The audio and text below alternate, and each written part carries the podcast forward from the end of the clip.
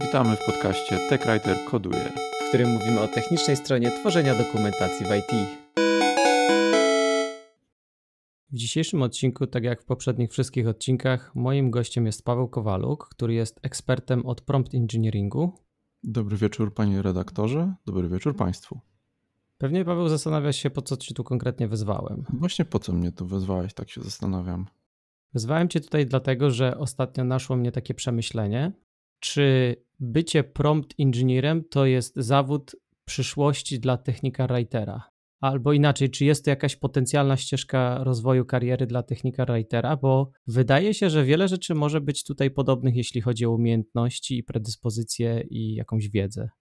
Powiem ci, że dobrze, że akurat mnie wezwałeś, bo ja jestem ekspertem od promptingu, tak jak powiedziałeś światowej sławy y, ekspert od około no, kilku tygodni, już bym powiedział, dobrych. Także mam już dużo doświadczenia. No, kilk, no bardzo dużo, bardzo dużo. E, może zaczniemy od tego, co to jest ten prompt engineering, zanim będziemy mogli pogadać o tym, e, jak bardzo TechWriter się w to wpasowuje. Michał, co to jest tak okiem laika prompt engineering, jakbyś mógł powiedzieć? Według mnie laika no. prompt engineering polega na tym, żeby wiedzieć, co napisać w okienku czata, czy też innego tam rozwiązania opartego na AI, żeby otrzymać output, jaki chcemy.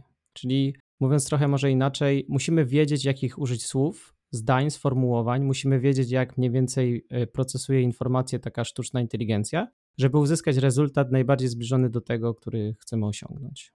Okej, okay, to jest super definicja jak na lejka. Ja jako ekspert daję ci 4 na 5. E, Myślałem, to... że Paweł to będzie 3 na 10 jak zwykle, bo ty nie więcej nie dajesz niż 3 na 10. Właśnie zmieniłem skalę i się okazało, że mogę dawać teraz tylko 4. Super, super, cieszę się bardzo. To jest dobra definicja. Ja bym ją chciał poszerzyć trochę, bo yy, powiedziałeś o czatach, no nie? I czat to jest jakiś tam produkt związany z LLM-ami, ale jeżeli na przykład jesteś zatrudniony jako prompt engineer, to możesz niekoniecznie pracować z czatem, tylko możesz pracować na przykład z modelem który dostaje jakieś tam prompty i daje odpowiedzi. Nie? I ten model może być różnie użyty. On może być użyty jako chatbot i to jest częste zastosowanie, ale taki model może być użyty na przykład w jakimś chainie.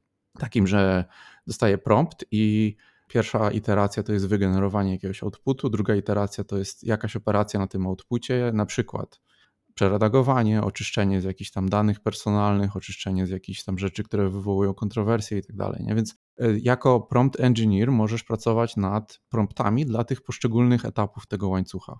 No i oczywiście chatbot to jest takie coś, co jest e, w codziennym życiu, więc jeżeli ja bym chciał być amatorski, znaczy amatorsko, w sensie jeżeli ja mogę e, nauczyć się prompt engineeringu, żeby mi to pomogło w codziennej mojej pracy, na przykład będę sobie odpalał Binga albo chat GPT i sobie jakieś tam rzeczy generował, a dzięki temu, że rozumiem prompt engineering, no to będę to robił lepiej.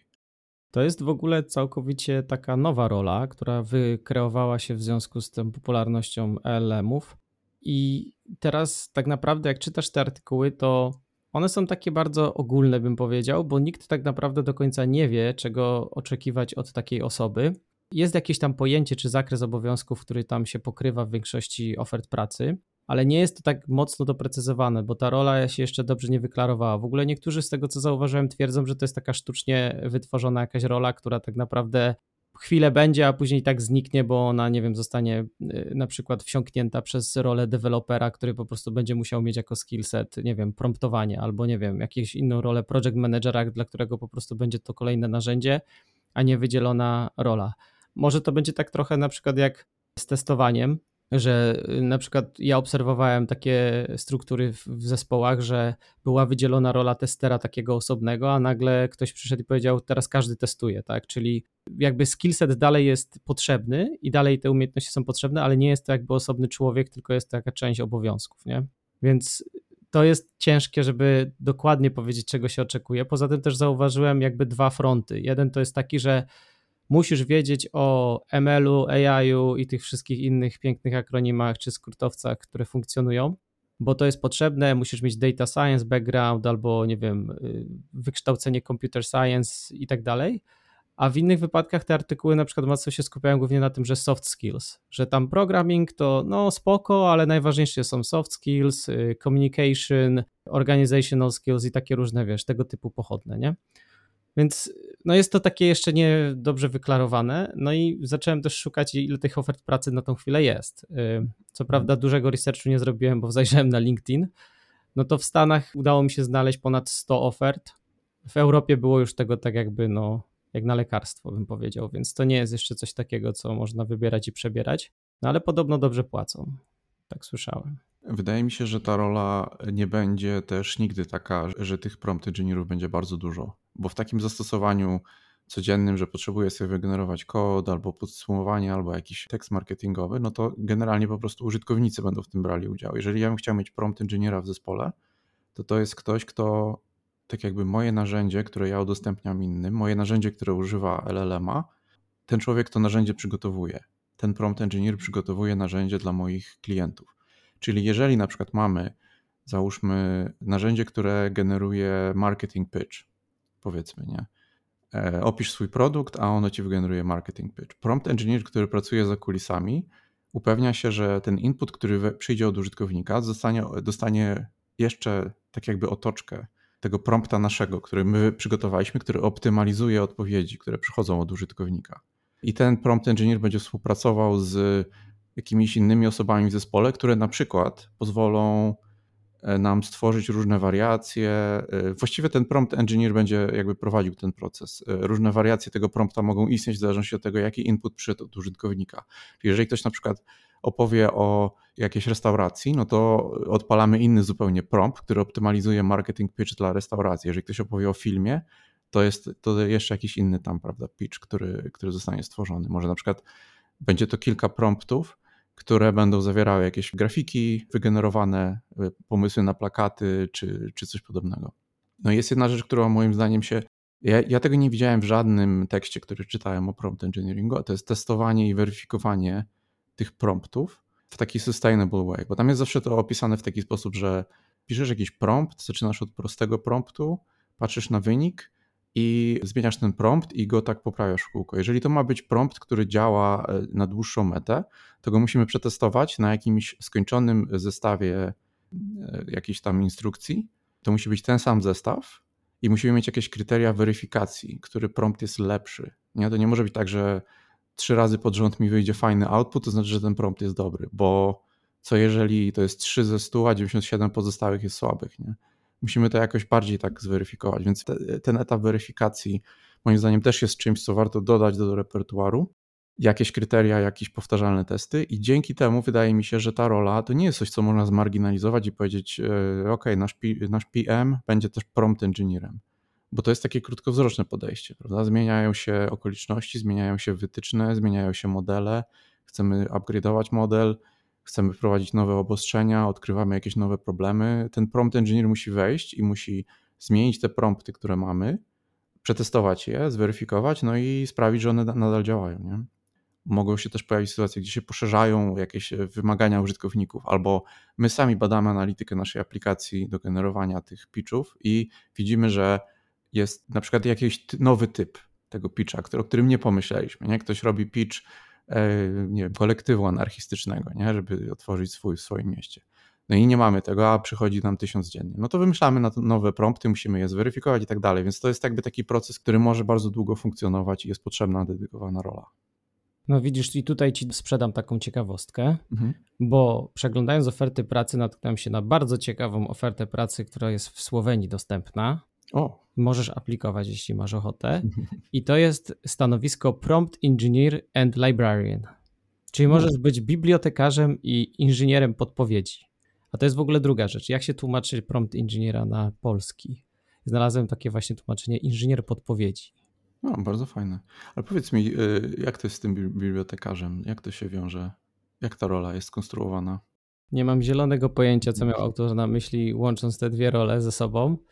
Może potrzebują kogoś, kto pracuje w bibliotece i tam chcą wykorzystać AI, które będzie im na przykład, nie wiem, katalogować jakieś rzeczy automatycznie, albo mają jakieś duże zbiory cyfrowe i chcą wykorzystać AI do tego, żeby ludzie mogli sobie łatwiej przeglądać na przykład te zbiory i znajdować informacje, których potrzebują. Ale to strzelam. Przyznam szczerze, że nie czytałem jakoś opisu za bardzo, ale jest to bardzo ciekawe połączenie. No, wyobraź sobie ogromny zbiór wiedzy, ogromny, taki przeogromny, i spróbowanie znaleźć odpowiedzi na temat tej wiedzy. To jest właściwie jak praca w kopalni, nie? Po prostu kopiesz tej wiedzy i szukasz, nie? No można by spędzić długie miesiące czytając wszystko. Jakieś byłem na takiej konferencji o temacie zarządzania informacją, bo w ogóle nie wiem, czy się orientujesz, nie wiem, czy nasi słuchacze się orientują. Technical writing to jest jedna tylko z zagadnień związanych z zarządzaniem informacją, nie? To jest bardzo szeroka dziedzina. Na tej konferencji, na której byłem, była pani bibliotekarka, która jest e, detektywem bibliotecznym. Czyli jej praca polega na tym, że zadajesz pytanie i ona szuka odpowiedzi w zbiorach. Czyli na przykład, e, ona, ona opowiadała różne takie, takie case studies. Jeden przykład, co powiedziała, to był taki, że ktoś znalazł informację, że książę Habsburski w Zamościu poślubił Jadwigę. Ale pytanie, czy to jest ten książę Habsburski, Hans jakiś tam skądś tam? Czy to nie jest ten, czy to jest jakiś inny książę habsburski. Rok się zgadza powiedzmy z przedziałem, kiedy on żył i kiedy mógł wziąć ślub, bo tam 20 parę lat miał, czy tam 30, nie? I ta pani przegląda różne zbiory o tych Habsburgach i szuka tych drzew genealogicznych, gdzie kto mieszkał, gdzie kupował, jakie tam e, dworki, pałacyki i tak dalej. I w końcu znajduje tą odpowiedź i temu człowiekowi ją podaje. I teraz wyobraź sobie, że ta osoba jeszcze ma właśnie, tak jak mówisz, LLM-y do dyspozycji, żeby, żeby podsumowania tworzyć tych wszystkich dzieł, które są tam zgromadzone.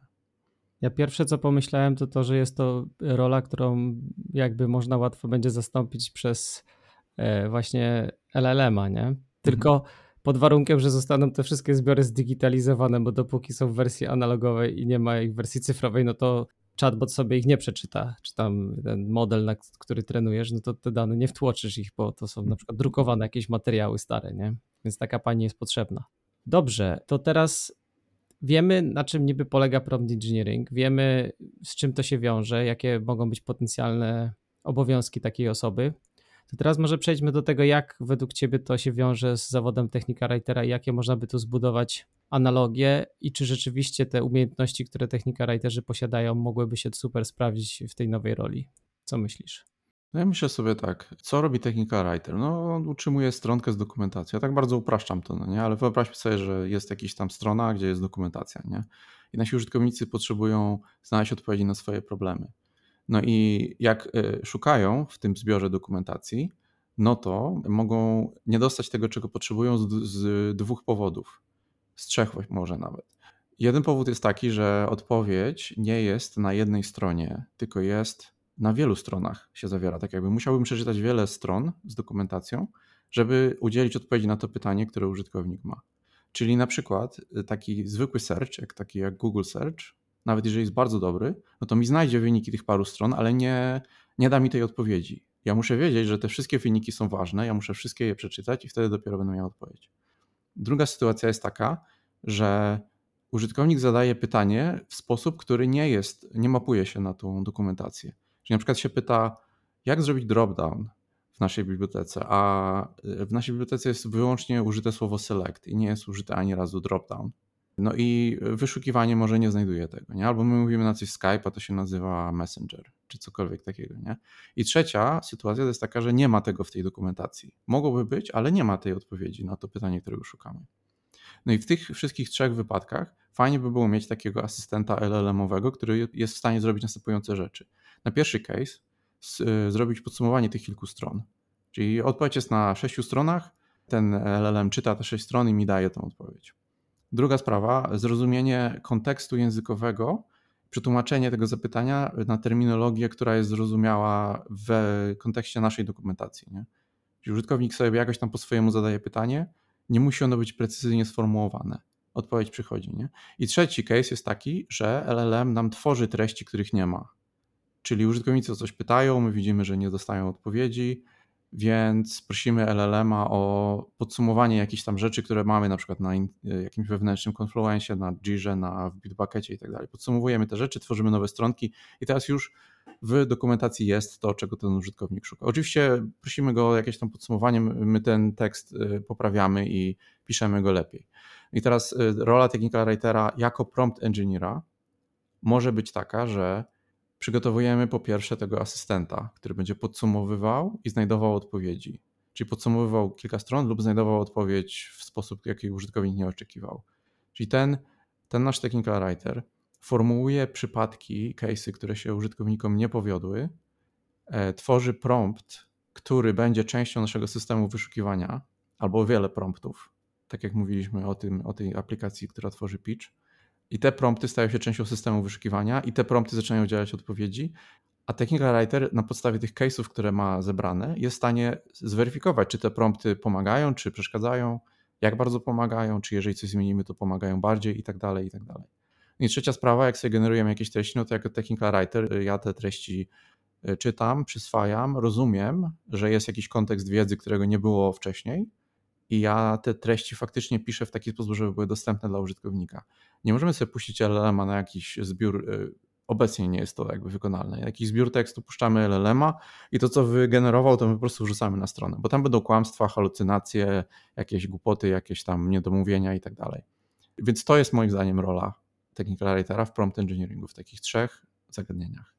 Ty dałeś teraz przykłady tego, jak można by zastosować jakieś umiejętności prompt inżyniera, będąc technical writerem, mm -hmm. do tego, żeby nasza dokumentacja była lepsza, ale ja bardziej chciałem spojrzeć szeroko na, ten, na to zagadnienie, na zasadzie takiej, że jestem technical writerem, umiem to, co umiem, ale chcę zmienić rolę, w ogóle chcę zmienić stanowisko, -hmm. tak? I mhm. chcę po prostu zostać prompt inżynierem, nie używać jakby tych umiejętności do robienia prompt engineeringu w ramach tego, co już robię, tylko po prostu chcę karierę swoją pokierować totalnie w inną stronę.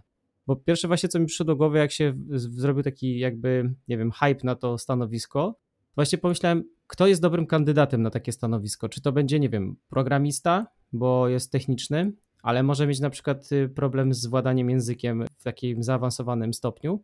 Czy to będzie na przykład technika writer, który ma braki technicznej wiedzy. No i po tym, co sobie tam y, przeglądałem, to wychodzi mi na to, że technika writer będzie lepszym kandydatem, bo o co chodzi? Co jest kluczowe w tym, co robi technika writer? Język. Tak? I tutaj chyba się mhm, możemy mhm. zgodzić, bo y, nawet patrząc wstecz, jak rekrutuje się ludzi, to często robi się jakby wyjątek na to, że ktoś nie umie czegoś technicznego, ale bardzo dobrze umie język, niż w drugą stronę. Raczej taki jest case niż, niż odwrotnie, że ktoś jest bardzo techniczny, a nie umie języka, bo jednak nacisk jest y, bardziej na tą stronę miękką i na tą stronę językową, czyli takie, wiesz, wysoko rozwinięte umiejętności językowe w piśmie i w mowie. No i tutaj też chyba kluczowy jest język, nie? Znalazłem też taki artykuł na Forbesie, o, o prompt engineeringu i wypowiada się tutaj były szef działu AI z Tesli, który obecnie pracuje w OpenAI, że teraz najgorętszym językiem programowania jest angielski.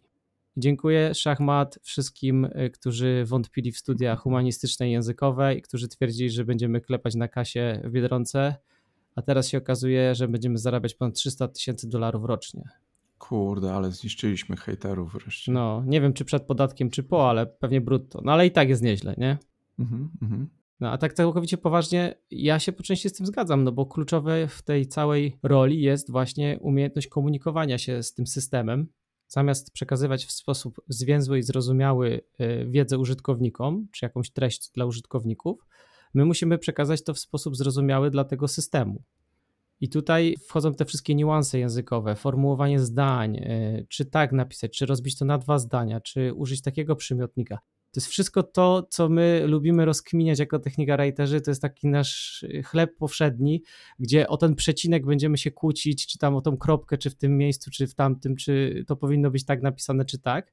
I tutaj to wszystko też ma znaczenie, więc wydaje mi się, że technika writer jest tutaj jakby dobrym kandydatem do tego, żeby zostać prompt inżynierem. Ja się zgadzam i bym dodał jeszcze kilka umiejętności, które technika writer ma. Pierwsze to jest rozmawianie z użytkownikiem, rozumienie potrzeb użytkownika. Tak jak e, na przykładzie tej aplikacji, która tworzy pitche, e, mówiłem o tym, że patrzymy na to, jakie, o jakie pitche proszą użytkownicy. Nie? Taka w ogóle myśl o tym, że to jest wszystko z myślą o użytkowniku, że są różni odbiorcy i tak dalej, to jest, to jest taka duża umiejętność technical writera.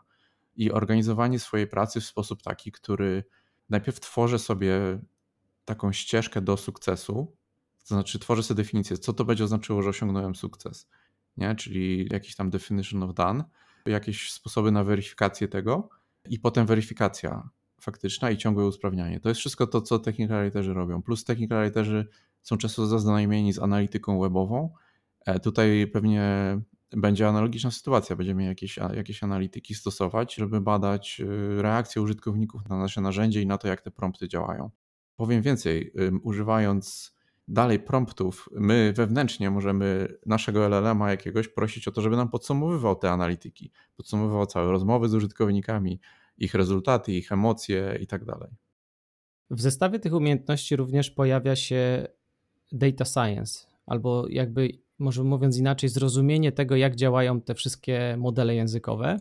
Tylko widzę, że tutaj też nie jest to do końca wymagane, żeby być ekspertem, który, nie wiem, skończył pięcioletnie studia w tej dziedzinie i zna od podszewki wszystko, tylko jednak jakby zrozumienie ogólnej mechaniki tego, jak to działa, jak zostały te modele wytrenowane, co one tak naprawdę robią w rzeczywistości. To jest po to, żeby wiedzieć, jak tą informację przekazać do tego systemu, żeby on zrobił to, co my chcemy. Więc tutaj jest też według mnie duża analogia do tego, jak my piszemy dokumentację. Po pierwsze, władamy sprawnie językiem, wiemy, jakich użyć przymiotników, jakich rzeczowników, wiemy, jak to wszystko sformułować, żeby było prosto i zwięźle, ale jest też jedna kluczowa sprawa w pisaniu dokumentacji, właściwie podstawowa, od której zawsze się zaczyna, czyli Paweł? Mm, y, długopis? Nie, nie wiem. Nie, czyli dla kogo piszemy? A, tak. Zrozumienie swojego odbiorcy. Więc tutaj zrozumieniem odbiorcy w przypadku prompt engineeringu jest ta maszyna, tak, ten model. Mm -hmm. Rozumiejąc to, jak ten model działa, a każdy model dzia może działać troszkę inaczej albo być wyszkolony na innym zestawie danych, bierzemy pod uwagę właśnie tą specyfikę i wtedy wiemy lepiej, jak sformułować ten prompt, żeby uzyskać to, co chcemy. Tak samo w dokumentacji. Informacja może być jasna i przejrzysta, ale nie jest dostosowana na przykład do administratora albo do użytkownika końcowego, więc nie osiągnie tego celu, który chcemy. Użytkownik nie wykona zadania no to chyba to jest to samo, nie? Albo no. bardzo podobnie, zamiast mówić do człowieka, mówimy do maszyny. A jeszcze lepiej, że to nie jest tak jak na przykład w przypadku programowania, gdzie my mówimy za pomocą na przykład JavaScriptu do komputera, żeby coś zrobił, bo ten język jest inny, nie? To jest jednak jedna inna składnia, no maszyna myśli jakby po swojemu, mówiąc tak w cudzysłowiu, a tutaj sztuczna inteligencja jest zaprojektowana, żeby odwzorowywała to, jak myśli człowiek. Więc tym bardziej te umiejętności są mapowalne według mnie, bo my pracujemy z ludźmi, z użytkownikami, więc tutaj sztuczna inteligencja ma tych użytkowników jakby odwzorowywać, czy tam człowieka, więc tym bardziej taki natural language jest tutaj wskazany, więc ja tu nie widzę, y, żeby się to nie udało. Nie wiem jak ty. No, zgadzam się. W ogóle podstawową cechą bardzo wielu technical writerów jest taka wszechstronność, nie? że to są ludzie, którzy najwięcej znają ludzi w firmie, najwięcej e, słyszeli spraw, najwięcej mieli kontaktu z klientami i tak dalej. Jest to, jest to taka rola wszechstronna i świetnie się wpasowuje w, w taką nową dziedzinę, która właśnie dopiero pączkuje, lub w taką dziedzinę, która wiemy, że będzie się póki co dosyć szybko rozwijała, chyba że przyjdzie jakaś znowu zima AI-owa. Natomiast ja chciałem wrócić do tego też, co trochę wcześniej powiedziałeś, humanista. Bo co to tak naprawdę znaczy humanista? Humanista to nie znaczy, że nie lubię matematyki. Tylko humanista to oznacza człowieka, który jest właśnie wszechstronnie zainteresowany wieloma rzeczami, wieloma dziedzinami, które są związane z człowiekiem.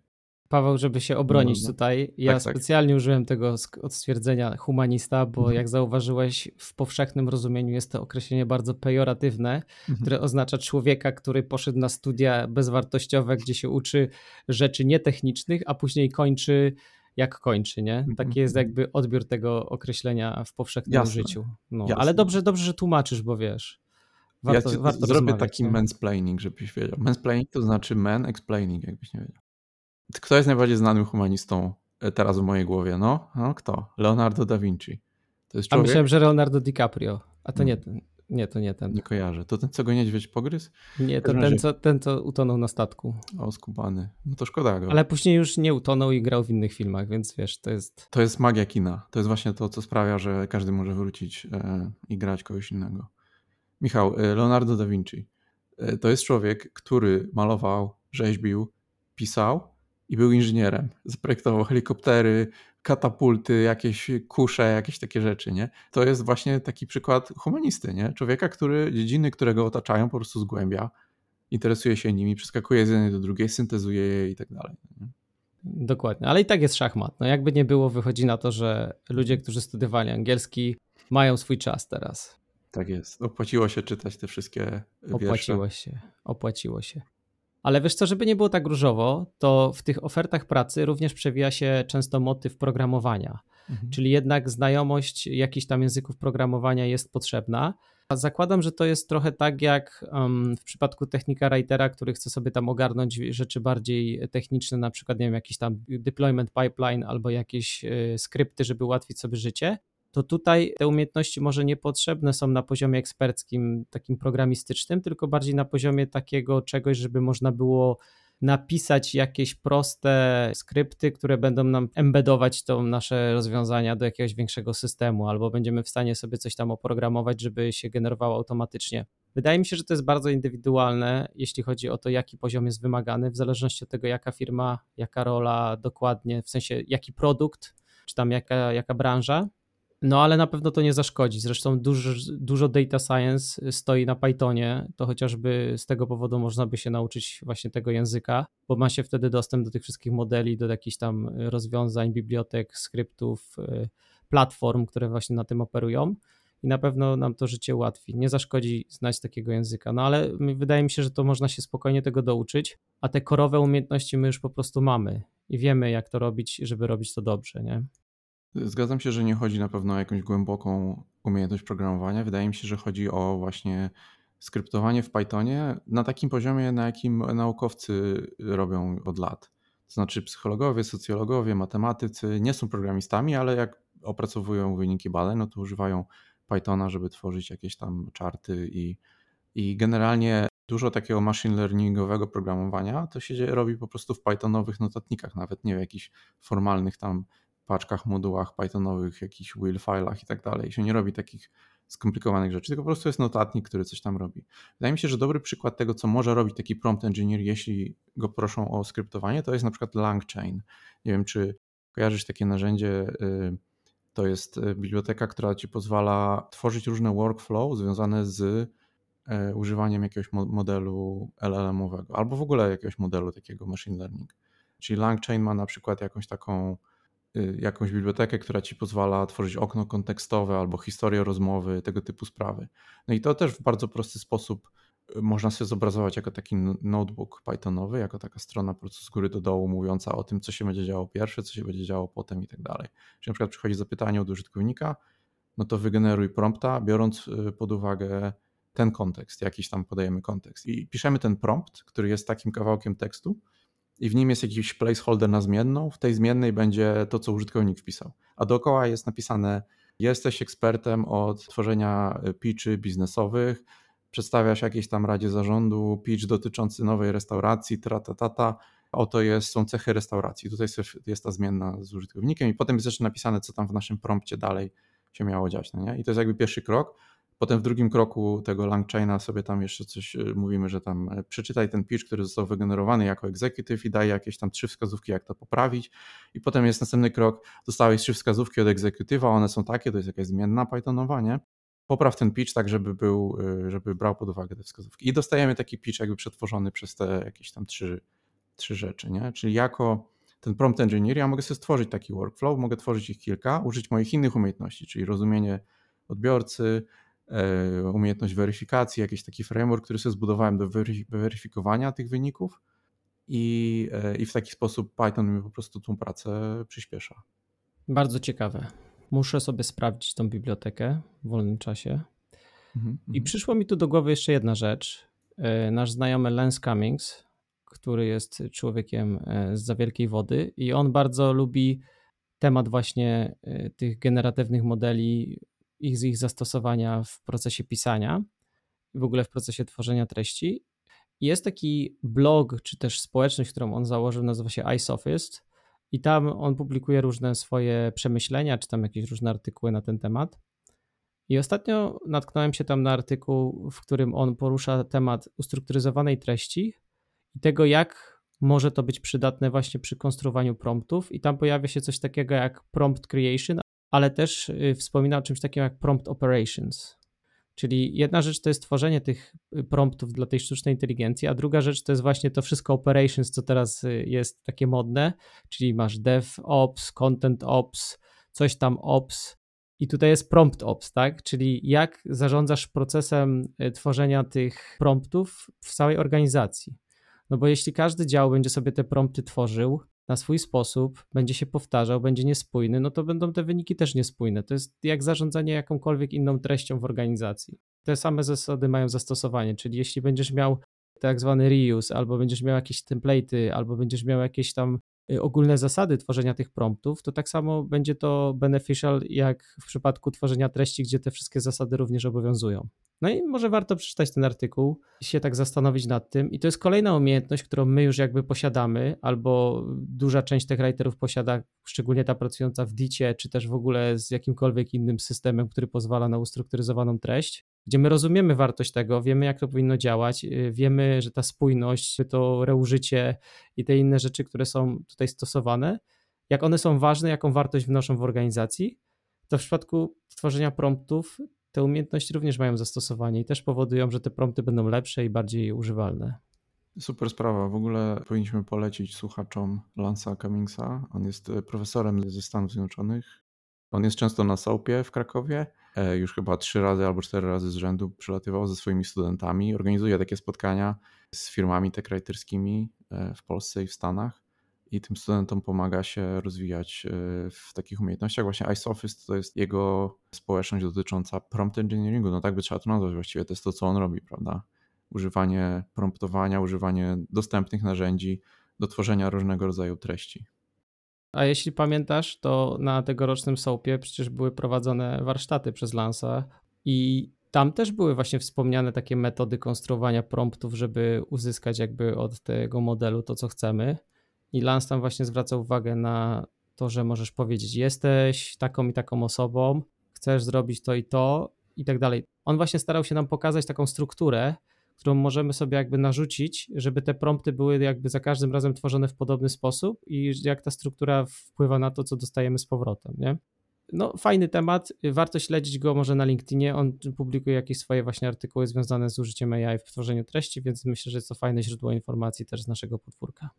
Jedna uwaga na podstawie tego, e, dzięki, że przypomniałeś o tych warsztatach, właśnie e, prompt może być bardzo długi nie? i to jest coś, o czym warto pamiętać. E, te prompty, które Lance sugerował, były bardzo długie. One zawierały bardzo dużo kontekstu, takiego jakiegoś właśnie, w jakiej sytuacji chcemy tę odpowiedź uzyskać.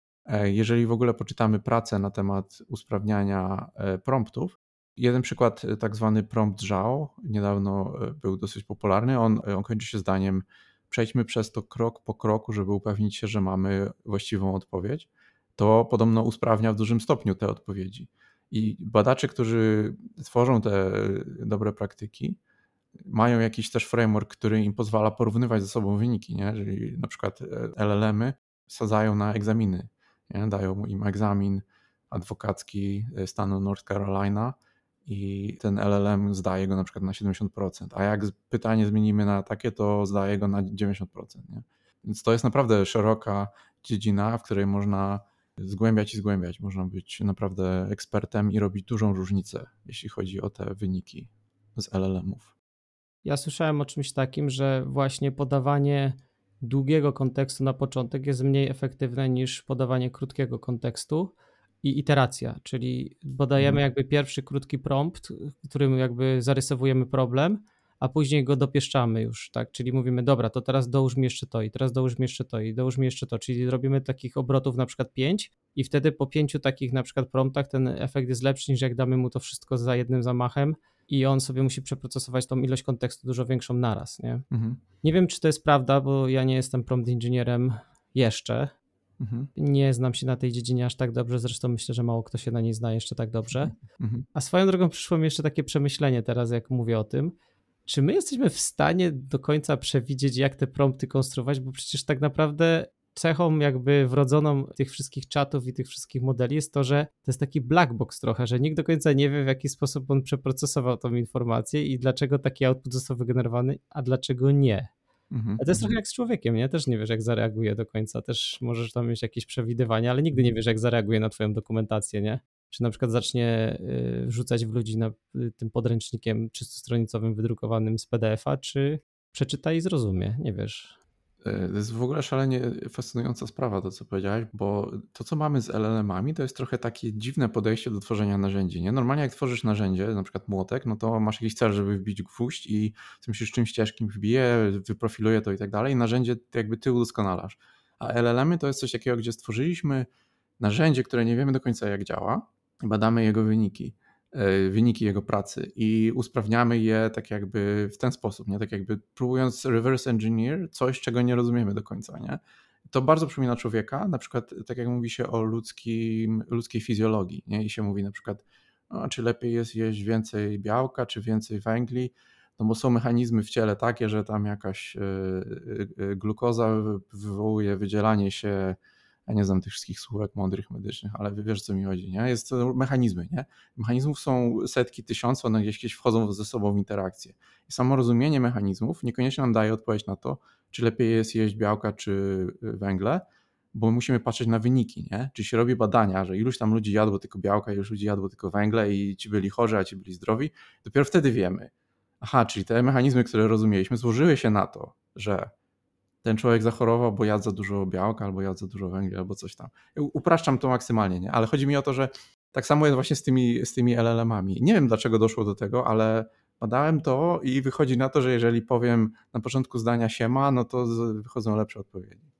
A dodaj jeszcze do tego te wszystkie zmienne związane właśnie z tym twoim przykładem żywieniowym. A mhm. uprawiasz sport, nie uprawiasz sportu, mhm. a jaką masz budowę ciała i tak dalej, i tak dalej. Nie? No to tutaj może się okazać, że tak naprawdę a czy ten model pochodzi od Google'a i był trenowany na takich danych, a czy ten pochodzi od OpenAI, a ten y, jest od Facebooka i tak dalej. I one mają różne jakieś inne swoje zmienne, więc ten prompt na przykład na tym modelu działa lepiej, bo on ma takie, a to ma takie, a to ma śmaki. Mhm. Nie? No ale dobra, no nie zniechęcajmy. No wiesz, to jest tak jak ze wszystkim. Tak naprawdę y, jesteś do pewnego stanie stopnia przewidzieć pewne rzeczy, a niektóre nie, ale musisz zrobić co się da, żeby to działało jak najlepiej. No i na pewno da się wypracować jakieś ścieżki, nie? To jest tak samo właśnie jak z mówieniem do człowieka. Nie wiesz do końca, bo każdy człowiek jest indywidualny, ale powstały książki, badania i opracowania na ten temat, jak do ludzi mówić, czy w jaki sposób im przekazywać informacje, żeby osiągnąć cel, tak?